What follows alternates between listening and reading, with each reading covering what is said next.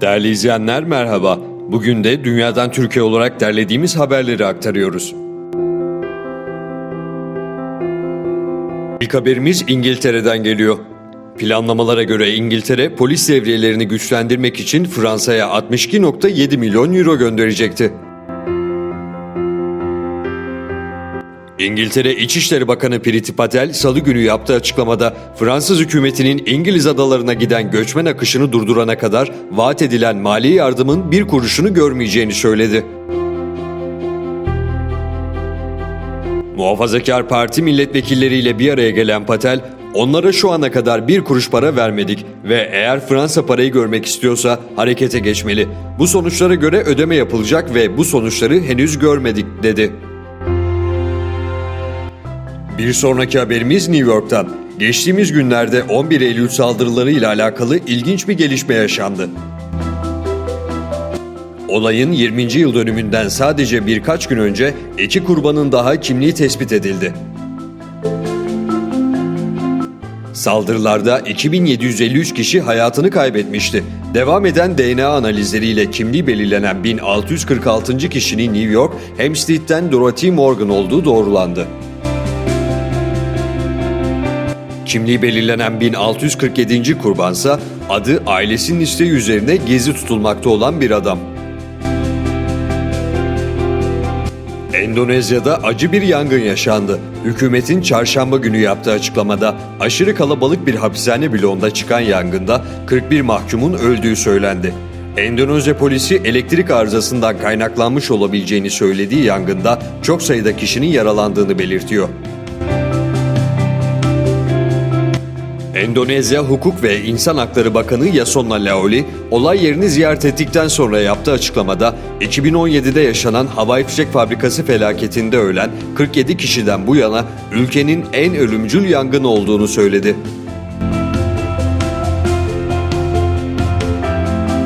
Rusya'da ilginç bir ölüm yaşandı. RIA haber ajansının çarşamba günü aktardığına göre Rusya Acil Durumlar Bakanı Yevgeni Zinişev, Kuzey Kutbu'ndaki bir eğitim tatbikat sırasında öldü. 2018'den beri yüksek profilli Acil Durumlar Bakanlığı'na başkanlık eden 55 yaşındaki yetkilinin ölümü hakkında detay verilmedi. Hükümet sadece birinin hayatını kurtarırken öldüğünü söylemekle yetindi. ARAY'nin açıklamasına göre Zinişev, Kuzey Kutbu'ndaki kriz durumlarını önlemek için yapılan bölümler arası tatbikatlar sırasında resmi görevlerini yerine getirirken trajik bir şekilde öldü. Rusya'da ilginç bir gelişme daha yaşandı. Bu ayın sonlarında St. Petersburg'da yapılacak yeni milletvekilleri seçimlerinde aynı ada sahip ve birbirlerine tıpatıp benzeyen 3 aday yarışacak. Rusya'nın ikinci kentinde bölgesel parlamentoya yeniden seçilmek için yarışan tanınmış bir muhalefet politikacısı olan Boris Vishnevski, kendisi gibi saçsız ve yüz tipi olarak da çok benzeşen Boris Vishnevski adlı iki kişiyle yarışacak. Liberal Yabloko Partisi'nin 65 yaşındaki kıdemli üyesi Vishnevski, AFP'ye verdiği demeçte bu siyasi bir dolandırıcılık. Bu insanlar seçimlere girmek veya siyasi programlarını sunmak için değil, seçmenlerin kafasını karıştırmak için sandık başına gidiyorlar. Bunun için sadece isimlerini değil, aynı zamanda görünüşlerini de değiştirdiler, dedi. Suriye'de ise içler acısı bir saldırı gerçekleşti. Suriye rejimi kuzeybatıdaki bir kliniğe ölümcül bir saldırıda bulundu.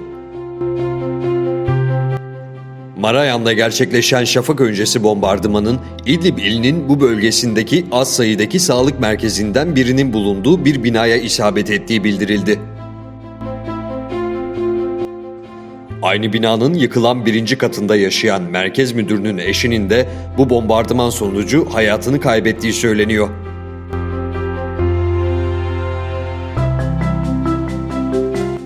Fransız devi çok büyük suçlamalarla karşı karşıya. Anadolu Ajansı'nın şirket hakkındaki belgeleri açığa çıkartmasıyla birlikte Suriye'deki Fransız şirketinin IŞİD'le dahil olmak üzere birçok terör örgütüne destek sağladığı ortaya çıktı. Şirketle Fransız İstihbarat Servisi arasında 22 Ocak 2014 tarihinde yapılan bir dizi yazışma ortaya çıktı. Yazışmalarda şirketin güvenlik müdürünün Fransız istihbaratına konuyla ilgili bilgi verdiği ve Fransız İstihbarat Servisi'nin de olaydan haberinin olduğu ortaya çıktı.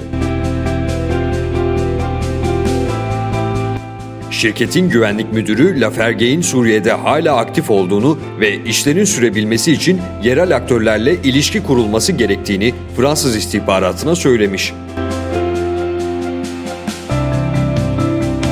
18 Kasım 2018'de bir istihbarat mensubu Laferge'in Suriye'deki bilgi kaynakları olduğunu ikrar etmiş.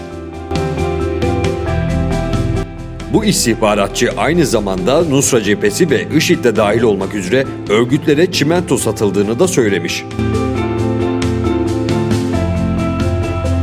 Bildiğiniz gibi Türkiye uzun süredir Suriye iç savaşında cihatçıları desteklemekle suçlanıyor. Fakat görünen o ki Fransız devleti Laferge eliyle Suriye'deki cihatçılara çimento satmış.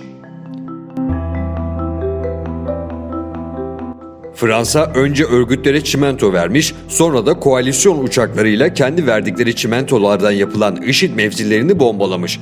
Bu haberle ilgili yeni detayları önümüzdeki günlerde aktaracağız.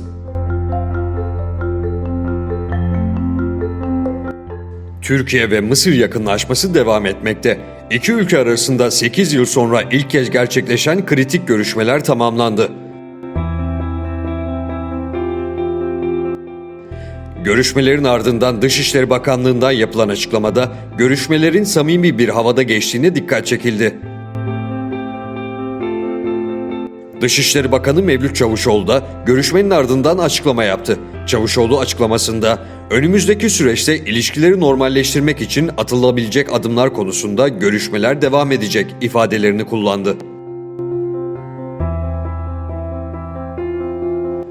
İç siyasette de konuşulan bir başlıkla devam edelim.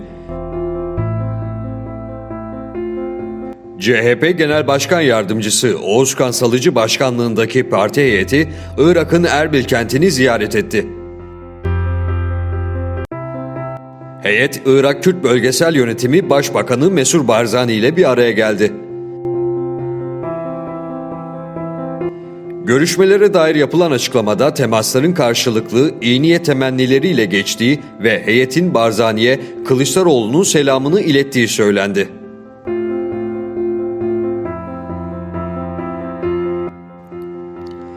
Bugün de gündemimizin sonuna geldik. Dünyadan Türkiye'yi takip ettiğiniz için teşekkürler. Esen kalın.